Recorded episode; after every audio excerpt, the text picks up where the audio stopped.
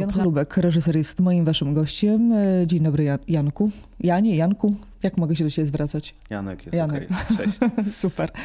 Pięć filmów, e, pięć, Jezu, pięć filmów to e, dobrze byłoby. Pięć nagród w Gdyni, a bardzo dużo. Czy czujesz się spełniony? Nie no, czuję się na, na bardzo zadowolony. Cieszę się w, za nagrodę za reżyserię bardzo. Cieszę się za nagrody moich y, koleżanek i kolegów za te Mhm. y, fachowe nagrody, bo bardzo je cenię. Y, Czy spełniony? Szczerze powiedziawszy, w ogóle o tym nie myślę w tych kategoriach, bo jestem myślami już zupełnie gdzie indziej. Jakby Przy kolejnym filmie. w tej produkcji, którą teraz przygotowuję. W międzyczasie zdążyłem zrobić jeszcze coś, więc Doppelganger na moment ode mnie w ogóle odpłynął. Na, e, ja już zapomniałem o tym filmie i przy okazji festiwalu w Gdyni e, on wrócił e, i to, było, to był taki powrót no taki dla mnie też szokujący, że, że ja zrobiłem ten film w ogóle. Bo już troszeczkę go zostawiłem za sobą i, i szedłem dalej. E, No chyba to jest taka trochę twoja natura, że ty e, kończysz te swoje projekty, idziesz dalej. Ktoś użył nawet takiego określenia, że pędzisz jak pendolino. No, e, rzeczywiście zacząłem dość późno reżyserować, więc strasznie chciałem nadrobić wszystkie te lata, kiedy tego nie robiłem. Więc rzeczywiście przez ostatnie 5,5 roku zrobiłem bardzo dużo produkcji, ale to nie jest tak, że tak będzie zawsze. Mhm. Mam ochotę troszeczkę unormować to i nie, nie, nie robić już. Ja wiem, że równowaga to jest teraz takie modne słowo i balans. Nie wiem, czy, czy te dwa słowa jeszcze mm, na razie ciebie e, dotyczą, bo już mówisz, że masz kolejne mm, historie, w które wchodzisz i e, produkcje, ale na chwilę zechciałam zatrzymać się przy e, filmie Sobowtór e, i zapytać cię, dlaczego zainteresowała cię historia Jerzego e, Kaczmarka? Tę historię przyniósł mi e, scenarzysta Andrzej Goda i e, no, w takim naj, największym skrócie telegraficznym, w jakim on mi to przedstawił, e, to było bardzo, bardzo interesujące z takiego punktu widzenia po prostu historii jako takiej, że ktoś komuś kradnie tożsamość, a ten drugi się orientuje i to się dzieje po dwóch stronach żelaznej kurtyny równocześnie i to, to był ten drugi taki impuls dla mnie. To znaczy, że mogę też opowiedzieć o świecie e, po drugiej stronie kur- kurtyny żelaznej, bo jak dotąd wszystkie te opowieści e, snułem e, na naszym, w Polsce po prostu się rozgrywały, a tutaj nagle taka możliwość wykreowania Francji lat 70. i 80. była dla mnie no, niezwykle jakaś taka ekscytująca. Strasznie mi się zapaliły wszystkie lampki, że chcę coś takiego zrobić. A jednocześnie powiedziałeś też w jednym z wywiadów, że e, sama historia, jako historia w sensie człowieka, nie do końca cię interesuje. Co jeszcze musi być, jaki pierwiastek musi być do tego dołożony, że akurat e, stawiasz na tą, a nie na inną historię, skoro nie tylko sam człowiek? może nie człowiek, tylko po prostu historia, nie Mhm. sama historia. E, e, mnie, dla mnie ważne jest jeszcze to, jak ona jest osadzona, w jakim świecie. E, I przez świat to mam tu na myśli pewną aurę, pewien, pewne, pewien klimat, e, nastrój. Mhm. I dla mnie, jak gdyby nastrój opowieści jest równie ważny, co sama historia. Na równi ważny. E, A nastrój, no to już jest coś, co się czuje. To jest coś takiego, co trudno wytłumaczyć. No, albo mi pasuje jakiś nastrój jakiegoś opowiadania, czy świat, w którym to się rozgrywa. E, I tak było w przypadku też Doppelgangera. e, Albo po prostu nie czuję tego i wtedy nawet ciekawa historia nie jest w stanie mnie jakoś zainteresować, bo możliwość kreowania świata e, na ekranie jest dla mnie czynnikiem decydującym o tym, czy chcę coś zrobić, czy nie. Mhm. Jakby ten świat, który trzeba stworzyć, jeżeli on jest atrakcyjny dla mnie, jeżeli on mnie pociąga, to wtedy wiem, że też on będzie pociągał widza. Przynajmniej część widzów. Mhm. To już sama historia jest pociągająca, a dopiero tak. jeszcze wykreowanie tego świata i pewnych realiów, czyli przeniesienie się zupełnie w inną epokę. Tak jest dosyć e, ekscytujący. Mm, ale mm, a propos e, tego człowieka e, i nie tylko samej historii, ale jakby postaci, też pojawiają się oczywiście wątki miłosne, co akurat w służbach jest dosyć popularnym czynnikiem, tylko w drugą stronę, że to nie oni dają się usiedlić, ale to i ta miłość nie tyle, że ich dopada, tylko że oni kreują to i w ten sposób docierają do innych. Ale za, za chwilę o tym chciałam się zapytać, czy ty w ogóle miałeś jakieś takie pokusy, żeby spotkać się z Kaczmarkiem? A może spotkałeś się? Ja nie wiem, jak jego historia dalej się potoczyła. To znaczy, to jest tak, że ten film tylko w pewnym, w pewnym stopniu czerpie z tej historii. E, powiedzmy, że zawiązanie akcji i zakończenie jest wyciągnięte z tej historii. Natomiast środek nie. Środek jest w dużym stopniu, czy w kolosalnym stopniu wykreowany mhm. przeze, przez Andrzeja i przeze mnie. E, więc e, z tego co wiem, to konkretnie ten człowiek nie chciał absolutnie takiego spotkania i nie dziwi mnie to. W tej, w tej branży raczej nikt nie chce się dzielić swoimi wspomnieniami i nie pisze pamiętników. Eee, więc nie, nie, dziwi mnie to, e, że tam nie było takiej chęci. I też my e, mówimy, że jest to film inspirowany mhm. historiami, nie konkretnie tą jedną, bo tak jak mówię, środek filmu jest, e, nie jest wzięty z życia tego konkretnego człowieka. To nie jest jeden do jednego. Tak, tym bardziej, że bardzo prawdopodobne, że ten środek, tak zwany, czyli to, co się tam działo, był w rzeczywistości dosyć nieciekawy dla filmu. Po prostu nudny. Życie codzienne na jakimś osiedlu Przepraszam, sobie zażartuję teraz to, jak teraz obejrzała, myślę, że obejrzał Jerzy Kaczmarek, to mógł sobie pomyśleć, jak jego życie mogłoby fascynująco wyglądać w tak nie zwanym mam, międzyczasie. Nie mam zielonego pojęcia, czy tak się stało i, i tak dalej. Natomiast myślę, że e, takie życie e, może być bardzo nieciekawe dla filmu. E, mhm. Takie codzienne życie takiego e, wtórnika. Na pewno nie są to akcje sensacyjne, mm, jakieś pościgi. E, mm, no nas zainteresowała taka możliwość, co by było, gdyby taki człowiek właśnie e, zakochał się naprawdę, co by było, gdyby e, nastąpiła w nim erozja jego poglądów pod wpływem tego, że jest w innym świecie, Przecież oni są jakoś indoktrynowani, że mają walczyć, mieli walczyć ze zgniłym Zachodem. A co jeżeli nagle taki człowiek zaczyna widzieć, że ten Zachód nie jest taki zgniły wcale i zgniło to jest właściwie PRL? To, to, to mnie zastanawiało i tutaj się otworzyła cała. Y, Czyli cała... ten portret psychologiczny de facto. Przestrzeń, tak, na, na jakby kreowanie tego obrazu, mhm. Y, kreowanie tej historii.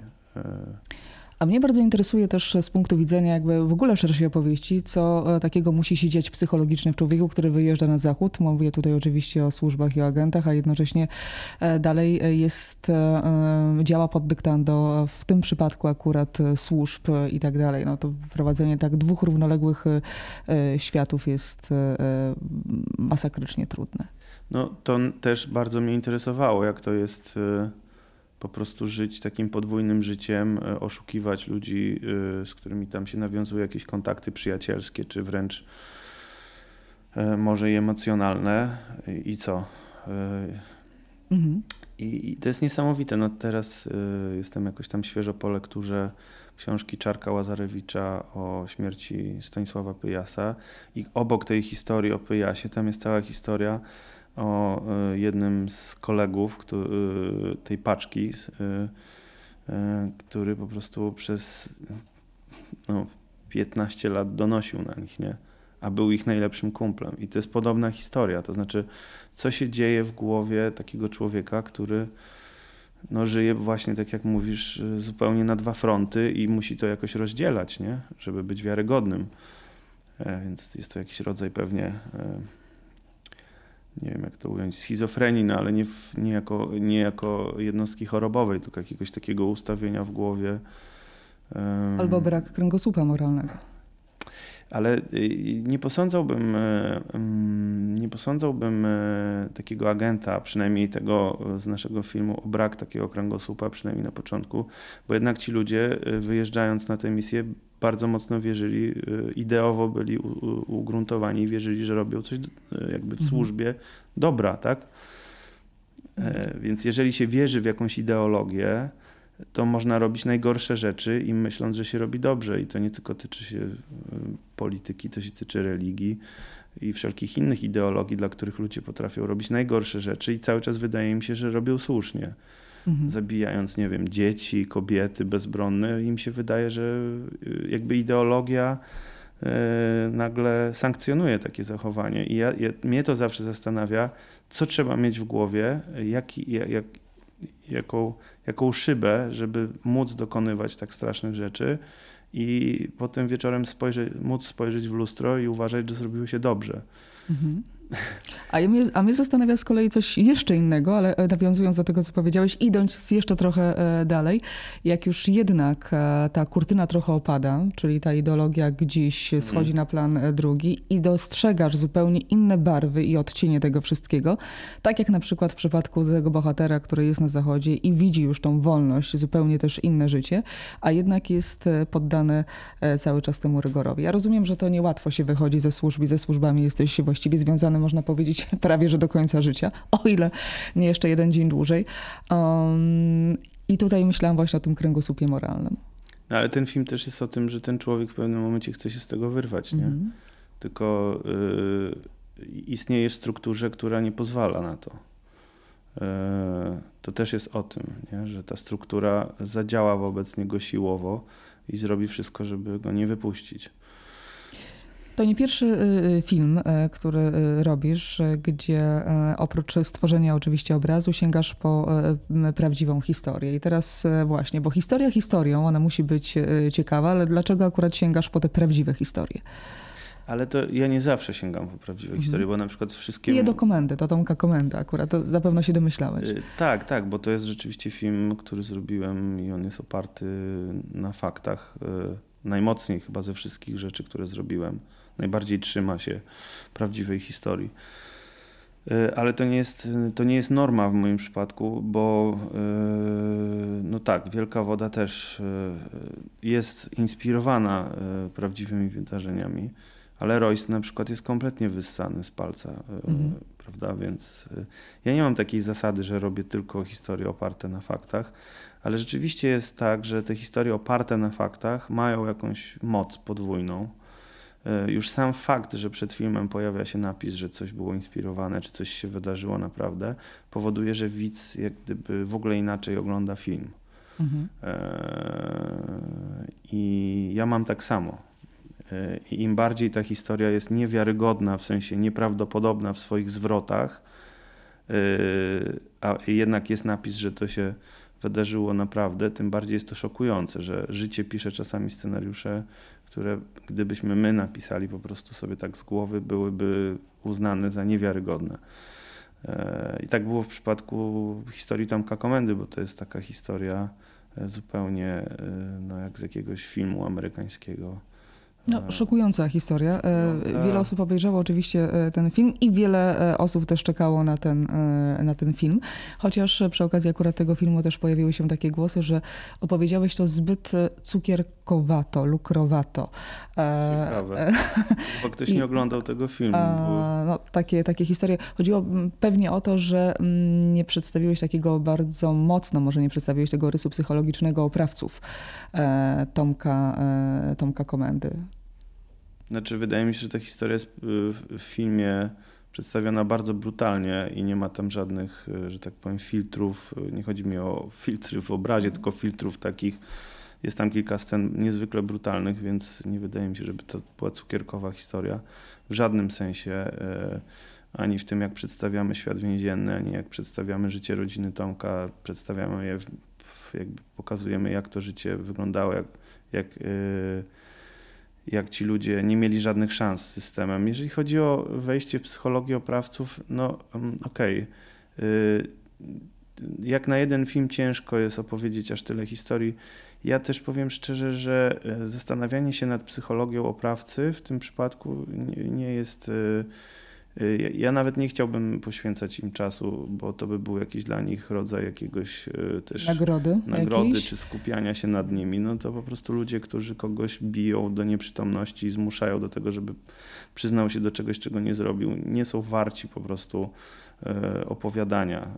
Przynajmniej w tym przypadku. Tutaj w tym filmie warto było opowiadać o Tomku, o jego rodzinie, warto było opowiadać o E, Remiku Korejwo, który go uratował, o e, prokuratorach, którzy e, no, wbrew swojemu zawodowi, bo zajmują się raczej wtrącaniem ludzi do więzienia, a nie wyjmowaniem, wyjmowaniem zrobili to. Więc no, ja myślę, że jeżeli już jakiś zarzut jest to, że to może jest zbyt właśnie hollywoodzka historia, ale ona taka jest. Myśmy nic tutaj y, nie wymyślili, nie? Mhm. To po prostu jest hollywoodzka historia. No, y, z piekła ktoś zostaje wyciągnięty, y, absolutnie bez szans człowiek zostaje wyciągnięty z piekła. Tomek wyszedłby z, po prostu 7 lat później z więzienia, ale całe życie nosiłby na sobie piętno mordercy.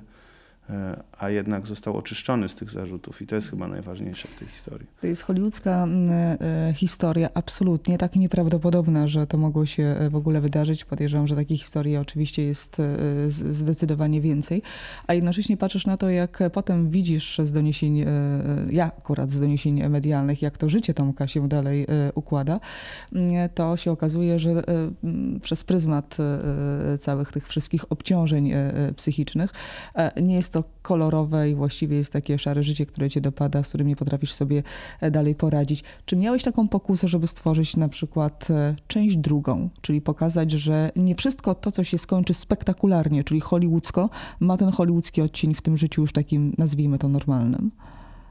Nie, no jakby kręcić kolejną część tej historii, ja... Yy, nie, nie przyszło mi to nigdy do głowy, mhm. ale też yy, no, nie wydaje mi się, żeby główni bohaterowie tej historii w ogóle sobie tego życzyli.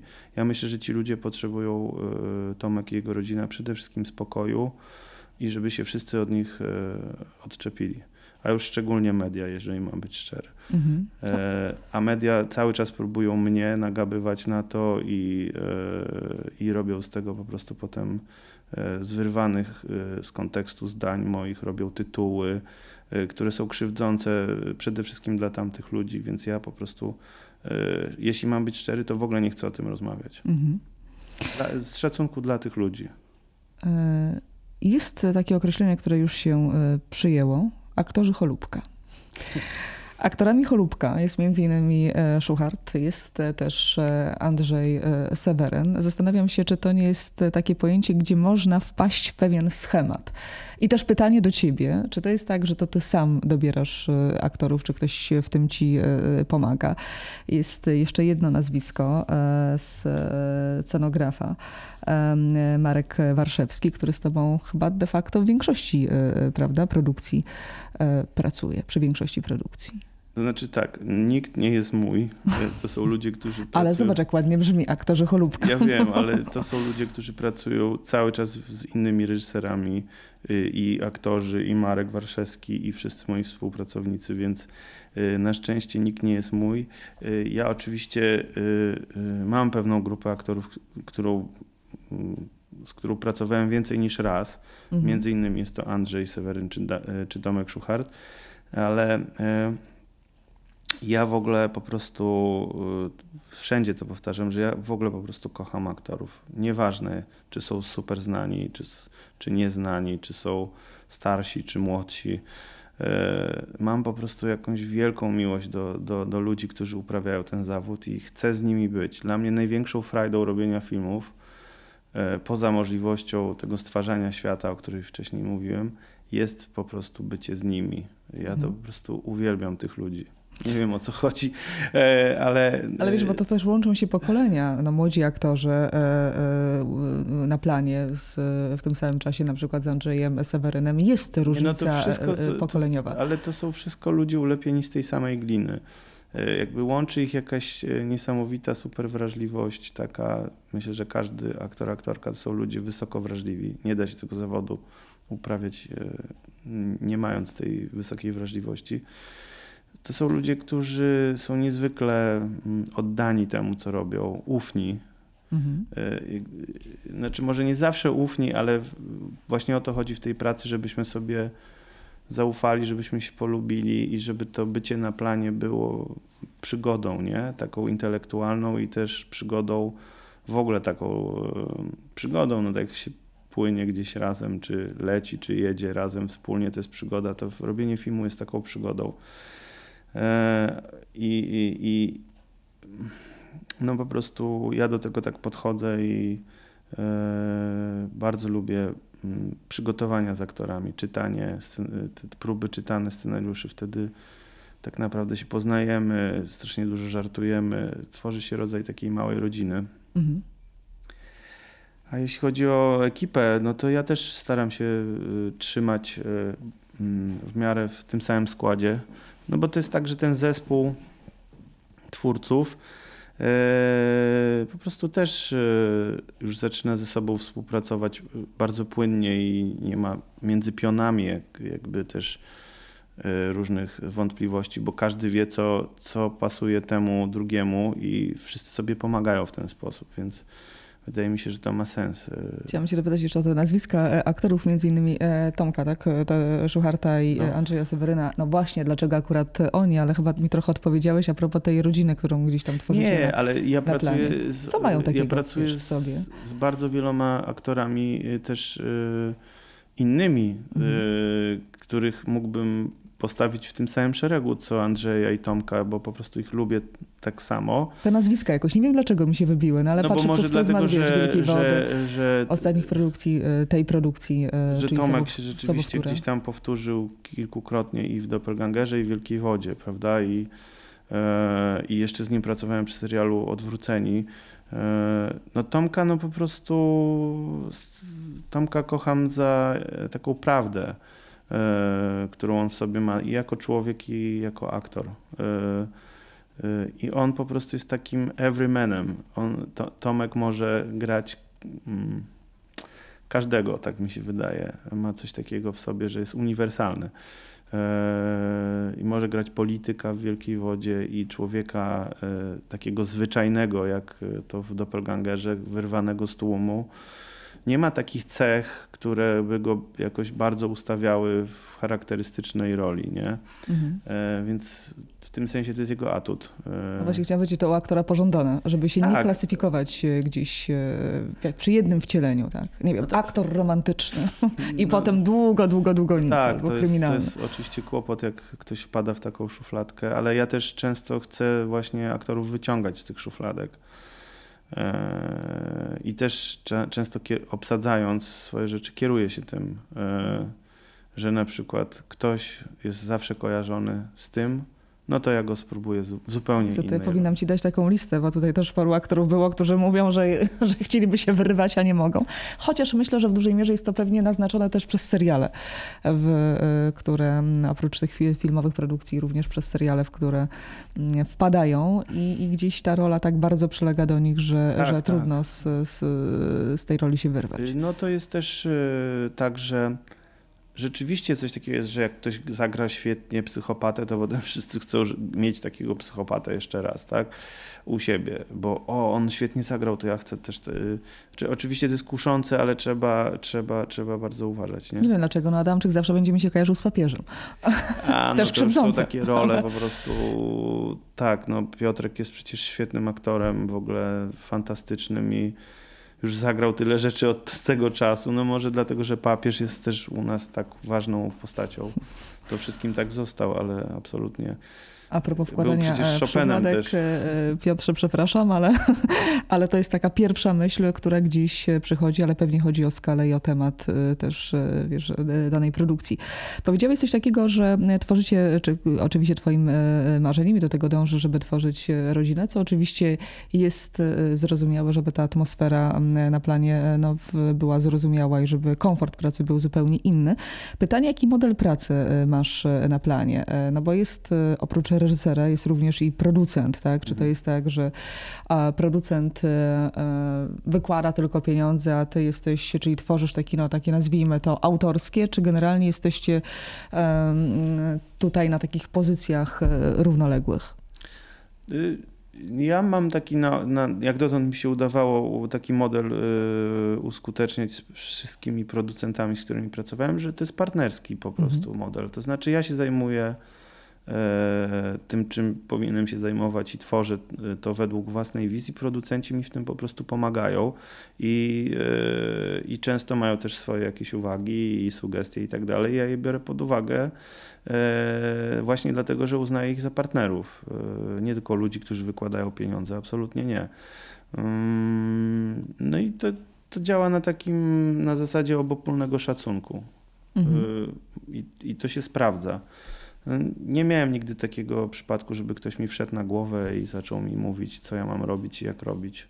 Chyba dlatego, że właśnie y, oni szanują to, co ja robię i, wie, i jakby ufają mi, że ja y, no, mm, nie wiem, no nie, y, nie jestem człowiekiem, który odpuszcza, no tylko po prostu staram się wykonać swoją pracę najlepiej, jak umiem, więc to jest dla producenta ok. A ja z kolei mam takie zaufanie do nich, że oni mi ufają i nie będą mi po prostu e, dyktować e, swojego widzimisię i to jest To jak no. na krótkiej drodze reżyserskiej, bo mimo wszystko mogę powiedzieć, że jednak e, jeszcze krótkiej, to dosyć szybko poukładałeś te relacje w taki, a nie inny sposób w kontekście zaufania i zbudowania tego zaufania. Znaczy ja sobie w ogóle nie wyobrażam innego modelu pracy, Mhm. jeżeli ma powstać coś dobrego. Jeżeli następuje jakby przerost z jednej z tych stron, to, to się źle kończy dla samego projektu na ogół, więc to nie ma sensu. E, e, No i e, tak jak mówię, no to po prostu powinno być partnerstwo e, i każdy powinien też zajmować się tym, żeby wspólnie e, zrobić najlepszą rzecz, e, jaką możemy zrobić. Jakiś mam natłok e, teraz myśli, bo już e, wpadły mi do głowy e, wiele różnych pytań z różnych obszarów, ale mm, jeszcze trzymając się tego wątku, no to nie jest tak, że, że, że, że zawsze była ta reżyseria, bo przecież stałeś po drugiej stronie kamery, czyli na początek operatorka, tak? Mhm. Nawet miałeś epizody również i aktorskie. A to To epizody, tak? To, to, zupełnie to zupełnie przypadkowo, chociaż z drugiej strony, będąc synem dwóch znakomitych aktorów, no to oczekiwałoby się pewnie od ciebie tego, że jednak e, pójdziesz w stronę aktorską, ale porzuciłeś. E, Moje pytanie jest takie, co spowodowało, który moment był taki, że jednak postanowiłeś e, zmienić stronę e, patrzenia, czyli nie z, e, patrzę teraz na kamerę, e, czyli nie z, e, za tego, jak to się nazywa, podpowiedz mi, e, oka, e, tak, E, e, szkiełka. Viewfindera, lupy. E, Lupę, o, dokładnie. Chodzi mi o, oczywiście o to oko, oko kamery, a stanąć zupełnie po, po drugiej stronie. Jaki to był moment? To znaczy, to nie był jakiś konkretny jeden moment. y, mm, To tak we mnie y, dojrzewało długo dosyć. y, Mniej więcej od momentu, kiedy zrobiłem film o moim ojcu i o Tadeuszu Konwickim, krótki taki dokument Słońce i Cień. Miałem 27 lat, y, 28. Y, Wtedy tak poczułem, że zrobiłem coś sam, zupełnie sam i jakby panowałem nad nie tylko nad obrazem, ale nad y, opowiadaniem, nad montażem. To było moje. Y, Wtedy poczułem, że mm, chciałbym jednak y, robić, chyba reżyserować, no ale to jeszcze wiele lat byłem operatorem przez wiele lat, zanim doszło do tego. Ale cały czas tam robiłem jakieś podejścia, zacząłem coś pisać sam, to znaczy pierwszego Roysta. To z nim przecież z 9-10 lat chodziłem e, od producenta do producenta i nikt nie chciał tego zrobić. Wytrwały jesteś, chociaż teraz w branży, takiej no może pośredniej branży, to już mówiłam jeszcze przed naszym nagraniem, że funkcjonuje takie określenie i powiedzenie, że generalnie właśnie nie ma co do ciebie dzwonić, bo jesteś na trzy lata już do przodu zabukowany. Możemy to zdementować. Nie, trzy lata się- nie, y, y, trzy lata nie, no na pewno mam co robić przy- y, przez cały przyszły rok, bo to jest Mhm. Heweliusz y, i mam jakieś tam plany na następny rok, ale to, to nie jest tak, że można w ogóle powiedzieć, że jest się na trzy lata zajętym, bo y, w ogóle sytuacja na rynku jest bardzo y, zmienna i nie wiadomo, co będzie za 3 lata. Natomiast ja nie narzekam na brak propozycji. Oczywiście mnie to bardzo cieszy, bo no, to jest takie marzenie, no, żeby być cały czas w jakimś procesie że kończę coś i mam już perspektywę robienia nowej rzeczy. Szczególnie w takim zawodzie dość trudnym, tak? To jest trudny jest... zawód, bardzo trudny, e, rynek jest trudny, e, więc ja akurat no, uważam, że jestem wielkim farciarzem, że tak to się układa. Wiem, że może być inaczej i mam cały czas z tyłu głowy, no, że, że to jest taka branża, która może y, nagle zmienić. Mhm. Jakby, y, coś się może zmienić. No, trzeba mieć to z tyłu głowy. Mam już 45 lat. No. Także nie, Dopiero nie, daje powiedziała. Się, nie daje się uwieść jakimś takim fantazjom. A że to będzie trwało e, że to zawsze i do końca Zawsze życia. tak będzie, bo, bo, bo, bo tak będzie i już. Nie wiadomo jak będzie. E, a propos tej równowagi, bo o tym trochę zaczęliśmy na początku e, mówić, no to trudno się wpisać w równowagę i balans w momencie, kiedy te rozpędzone pendolino pędzi i to jest takie twoje teraz długo już ciągnące się, ale mm, cały czas 5 minut, a właściwie może te 5 minut dopiero będzie też przed tobą, bo to jeszcze zobaczymy, jakie, jakie będą filmy, jakie nowe projekty. A pytanie, jak to wszystko poukładać, a ta równowaga, e, gdzieś ona przewija się w różnych twoich wypowiedziach, że zwracasz na nią uwagę, że tak to powinno być poukładane. No, to jest coś, nad czym ja staram się pracować. To Ale wychodzi, tak... czy nie? No, y, z różnym skutkiem. Y, staram się y, dojść do jakiejś równowagi, ale to jest też tak, że właśnie może teraz jest ten moment, kiedy już nie trzeba udowadniać cały czas, że się potrafi to robić może to jest ten moment teraz, że, że można y, ułożyć sobie życie zawodowe tak, żeby robić na przykład jeden projekt rocznie, mhm. E, czy, czy nawet półtora rocznie, tak? E, I wtedy to nazwałbym to równowagą, bo e, no to pewnie mało. Kiedyś zapytano jakiegoś człowieka na, po, po pokazie filmu, a pan myśli, że ile czasu kręcili ten film? I on tak siedzi i mówi, no jak to ile? Dwie godziny. Także... E, to jest ładne wyobrażenie e, e, ludzi a propos. Stworzenie filmu czy serialu to jest minimum półtora roku od preprodukcji do postprodukcji, więc... no to, żeby bardzo... wszystkim wytłumaczyć, że to nie jest tak, że ty cały czas jesteś na planie, prawda? Nie, Gdzieś właśnie nie, właśnie nie jestem cały czas na planie. Ba bardzo dużo czasu spędzam w preprodukcji, co oznacza, że jeżdżę na dokumentację po całej Polsce busikiem setki kilometrów e, od miasta do miasta, e, zdjęcia próbne, e, praca nad scenariuszem, spotkania z wszystkimi pionami. To zajmuje po prostu dwa razy więcej czasu niż sam okres zdjęciowy. Mhm. Ja usłyszałam z kolei takie też takie powiedzenie, że najnudniejszy zawód świata, jaki może być, co oczywiście teraz nikt w to nie uwierzy, może nawet i, i zaprzeczysz, to jest bycie na planie, ponieważ na planie te zdjęcia mogą trwać e, godzinami, a de facto się produkuje, nie wiem, trzy minuty filmu, tak? W sensie różnych. Być może teraz tak to nie wygląda, bo ja wiem, że kwestia. Wygląda. A wygląda jednak kwestia Przez budżetu. 12 godzin się robi 4-5 minut ekranowych, tak? No, dlatego to jest najnudniejszy, e, najnudniejszy zawód. On nie jest, on nie jest nudny dla nikogo, kto ma cały czas e, przez te 12 godzin ręce pełne roboty. Mhm.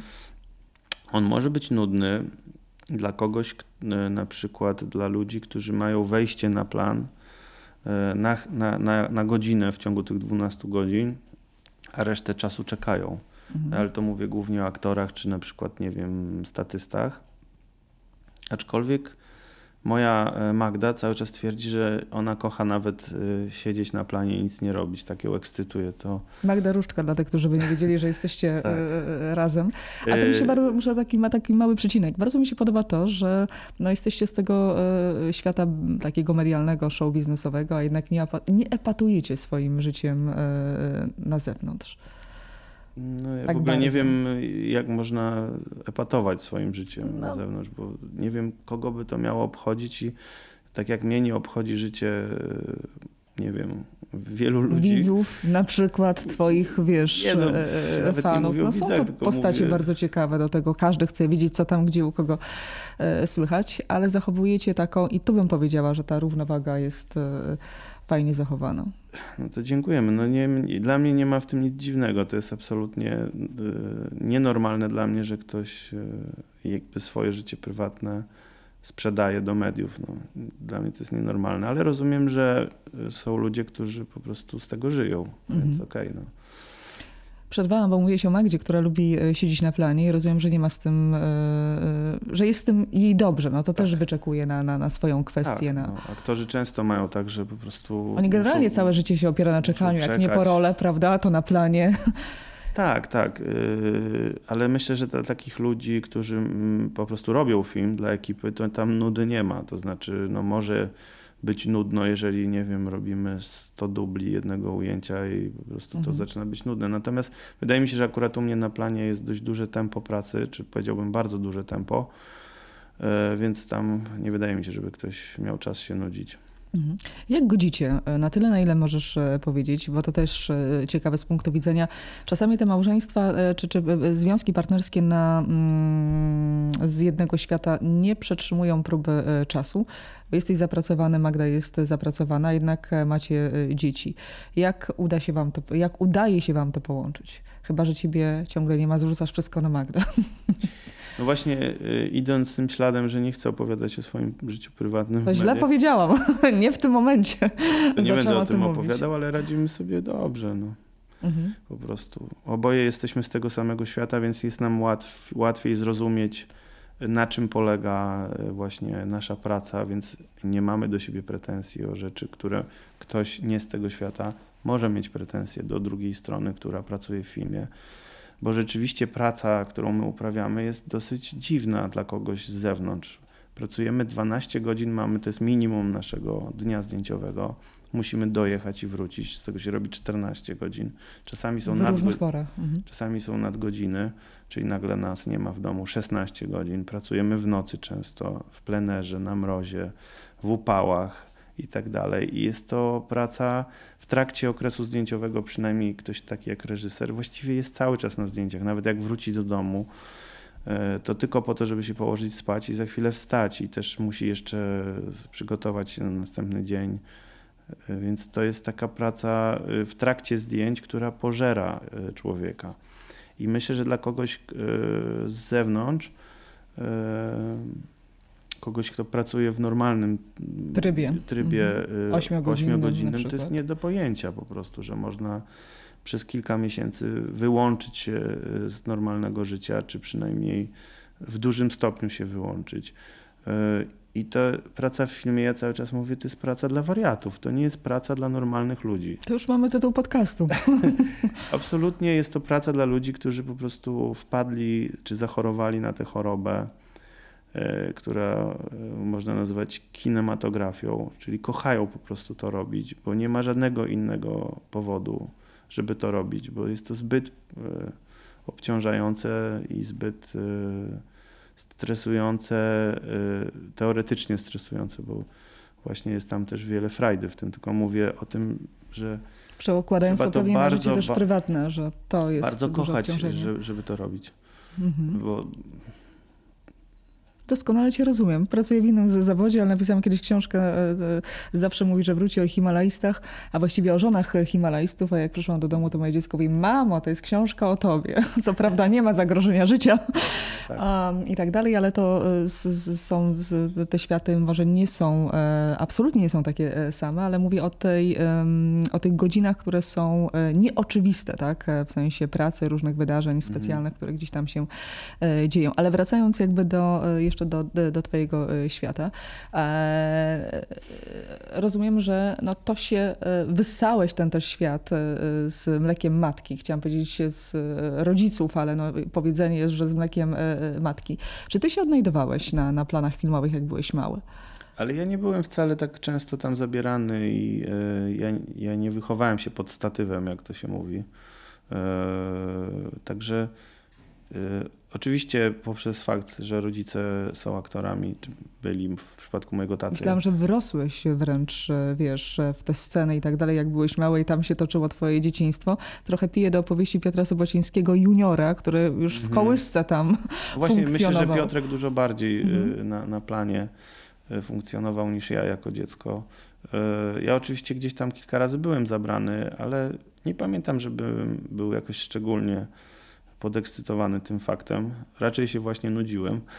E, Czyli de facto swoim dzieciom fundujesz, można powiedzieć, o ile je zabierasz na plan, nudne dzieciństwo. Nie, ja ich bardzo rzadko. E, ja myślę właśnie, że tam trochę nie ma co robić mhm. dla, dzie dla dzieciaka.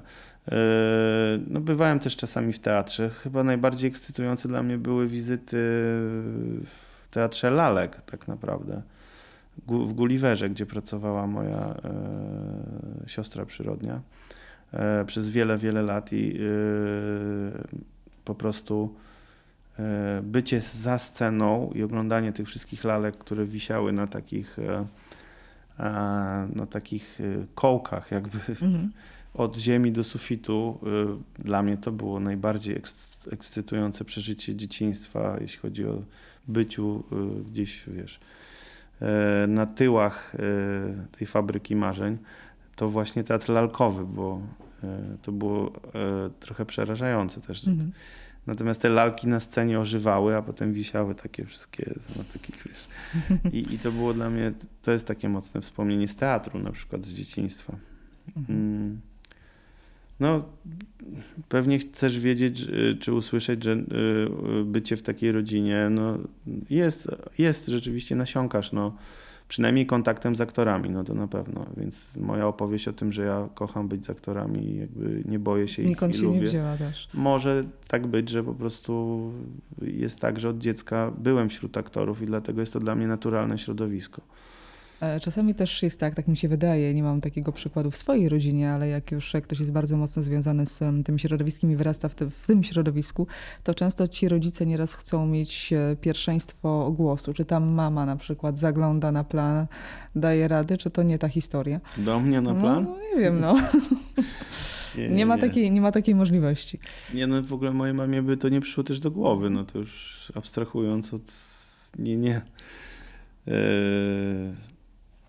nie mówię fizycznie, ale wiesz, dopytuje się nie, nie. co, gdzie, jak, a może to, a może tamto, bo się czasami lubi dyskutować i rozkładać pewne ja rzeczy zawsze, i sceny na czynniki pierwsze. zmontowany w pierwszej wersji jakiś swój film czy serial, no to pokazuję to najbliższym osobom. E, no bo chcę e, odbić się od kogoś, dostać jakąś opinię, no to wtedy rzeczywiście idę do mamy i mówię, słuchaj, czy chciałabyś obejrzeć mój nowy film i coś mi na ten temat powiedzieć, czy ci czegoś brakuje, czy ci się ciągnie, to, y, to zawsze mogę dostać jakąś fachową radę, y, czy od Magdy, czy od mojej mamy, czy od jeszcze wielu innych mhm. osób, y, którym ufam w tym to jest, No tak, no bo szczerość akurat jest tutaj najbardziej Bardzo jest wskazana, potrzebna, tak. A, a nie tylko głaskanie, że jest wszystko nie, super. Właśnie to jest najgorsze, co może się zdarzyć. No, trzeba dostać jakby trochę kubeł zimnej wody, nie? Kto jest takim największym krytykiem E, ja bym nie nazwał, że krytykiem, bo ja nie poszukuję też krytyków w takim sensie, że, że oczekuję tylko krytyki, bo jeżeli już czegoś oczekuję, to konstruktywnej. Albo opinii. wnikliwym analizatorem, może w ten sposób. E, jest tak pewna grupa ludzi, do których zgłaszam się dość często z prośbą o taką, o taką, o takie, o... i nie mówię oczywiście o najbliższych, bo to już powiedziałem, ale e, często z Maćkiem Pieprzycą, konsultuję swoje rzeczy z reżyserem Maćkiem Pieprzycą, z Krzyśkiem Rakiem, e, scenarzystą i producentem. Z, no oczywiście producenci moich projektów też są takimi osobami. E, z Januszem Majewskim, z którym mhm. się bardzo e, lubię I, i to jest wspaniały reżyser, który zawsze ma coś mądrego do powiedzenia. E, z Bartkiem Ignaciukiem, moim kolegą reżyserem, e, z którym zrobimy Wielką Wodę. To są ludzie, od których zawsze usłyszę mądrą, mądrą, mądrą opinię na temat tego, co można ulepszyć. Mhm. I to są zawodowcy, którym ufam, że nie, nie opowiadają mi derdymał, tylko po prostu mówią, co myślą. Teraz bardzo przyjemne pytanie na koniec. Uwielbiam to pytanie, bo e, pytanie o plany. Trochę już zdradziłeś, przy czym mhm. pracujesz, bo plan jest po to, żeby potem go tylko wykonać. Więc to jest kolejny cel do zrealizowania. Jakbyś mógł w kilku zdaniach opowiedzieć. Y, no, zaczynam mini serial dla Netflixa o zatonięciu promu Heweliusz. I no nie mogę nic opowiedzieć o obsadzie na razie, bo to jest tajemnica E, wielka. Aha. E, natomiast jesteśmy w bardzo takich już intensywnych przygotowaniach, bardzo, bardzo intensywnych. To znaczy już mamy obiekty, mamy obsadę, e, mm, jakby dopinamy wszystkie te punkty, które, które się ciągną od, od już blisko dwóch lat. Scenariusz zamykamy.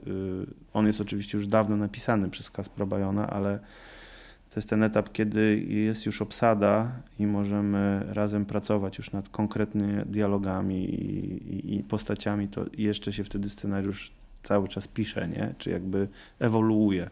Mhm. E, także mm, jesteśmy na etapie testów też technologicznych, e, postprodukcyjnych.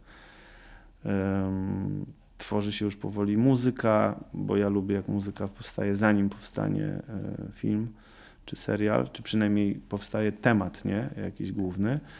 Mm, także to wszystko się dzieje w takim bardzo intensywnym teraz e, już procesie. To jeszcze jedno pytanie. E, czy kiedykolwiek w najbliższym czasie może zobaczymy w Twoim obrazie Magdę? Tak, tak, zobaczycie Magdę za chwilę, bo yy, po Doppelgangerze zrobiłem Roysta nowego, Millennium który będzie miał premierę gdzieś w przyszłym roku, myślę, że bliżej początku przyszłego roku, bo to milenium. Mhm. E, I e, zobaczymy Magdę w roli e, Jas, czyli kontynuację jej postaci z Roysta 97. Mhm. I zobaczymy tam całą plejadę aktorów, którzy kontynuują i z drugiego, i z pierwszego sezonu swoje role, e, bo to jest taki sezon, który zamyka tę całą epopeję. E, ale też pojawią się tam zupełnie nowi aktorzy, wspaniali zupełnie, e, łącznie z Januszem Gajosem i Filip, Filipem Pławiakiem, Tomkiem Szuchardem, A jednak. Michaliną Łabacz, e, Marysią Kanią. Mhm. No, jestem bardzo podjarany tym, co tam udało nam się nakręcić. Mhm. To jeszcze takie pytanie. Dla, I dużo o aktorstwie e, i o reżyserii e, było i o nowych e, też planach, ale już kończące jakby mm, to, to, ten wątek również i prywatny, o którym nie za bardzo chcesz mówić. Zresztą sama to podchwyciłam, więc teraz mogę sobie mieć do siebie wyrzuty. Trudniej się razem pracuje, czy nie? Nie, y, powiem szczerze, że y, z Magdą mi się na planie pracuje świetnie. I jakby ona jest częścią tej rodziny aktorskiej, w tym sensie rodziny, że to są wszystko ludzie, którzy po prostu są bardzo jakoś tacy przyjaźni mi mhm. Y, i pomagają mi, a ja im. I bardzo lubię ten, tę grupę Magdę z Łukaszem Simlatem, czyli ten duet Mika Jas. Po prostu oni już przy tym trzecim sezonie właściwie wszystko o sobie wiedzą i już są tymi postaciami. To jest tak super, że oni się ubierają w swoje kostiumy i to już jest Mika i Jas i nie trzeba nic absolutnie im mówić, bo oni y, już wiedzą lepiej ode mnie, y, jak y, kierować swoimi postaciami. No, zanim e, ta produkcja e, wejdzie, no to oczywiście najpierw jest jeszcze cały czas, e, bo niedawno wszedł do kin Sobowtór. Dziękuję Ci pięknie, że znalazłeś chwilę czasu, bo ja Janek jest bardzo zapracowany. Dziękuję i zapraszam wszystkich Państwa do kina cały czas, bo w kinie ten film wygląda wspaniale. Także kino, kino. No właśnie, a propos e, kina. Widzisz, to kolejne wątki otwierasz. Myślisz, że będzie taka sytuacja, że mm, całkowicie, e, no w gazetach to się stało dosyć e, szybko, że ten nośnik całkowicie się zmienił. Pandemia też bardzo mocno zmieniła sytuację kin, że te kina odbudują się jeszcze? O Jezus, mam nadzieję, y, naprawdę mam nadzieję. Bo, Bo to, że filmy będą, to wiadomo, tak? Tak, no jakby się y- zmieni y, nośnik i odbiór tego, już się powoli zmienił. rynek przed pandemią funkcjonował wspólnie i był streaming i kina i, wszystko, i jedni i drudzy, że tak powiem, byli zadowoleni. Pandemia wywróciła wszystko do góry nogami, szczególnie dla ki, ki, branży kiniarskiej. No po prostu kina zostały zamknięte, ludzie się odzwyczaili od chodzenia do kina, oglądali filmy w domu, bo nie było innej opcji. E, y, co mogę powiedzieć? No, y, i chyba jest jakieś takie y, pozytywne y, teraz, pozytywny moment, że ludzie zaczęli z powrotem chodzić do kina. Nie każdy obraz można, można albo nawet wypada obejrzeć e, w domu. Mówię w kontekście jakby wielkości swojego odbiornika. Jakkolwiek to powiemy, chociaż to się też zmienia.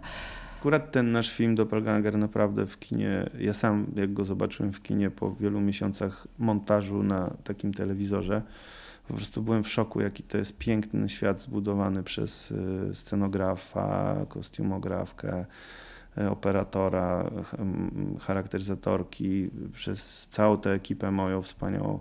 To naprawdę ja sam nagle zobaczyłem, Jezu, ile tam jest szczegółów, których ja nie widziałem i dopiero widzę je na wielkim ekranie. Więc e, naprawdę warto chodzić do kina i zapraszam jeszcze raz na mój film. E, Będę tutaj samolubem, ale e, tak, i mój film, i w ogóle kino potrzebuje Państwa To nie obecności. jest bycie samolubem, tylko e, dokładnie wiesz, e, jak dużo warta jest twoja praca, o czym też świadczą nagrody, chociaż nagrody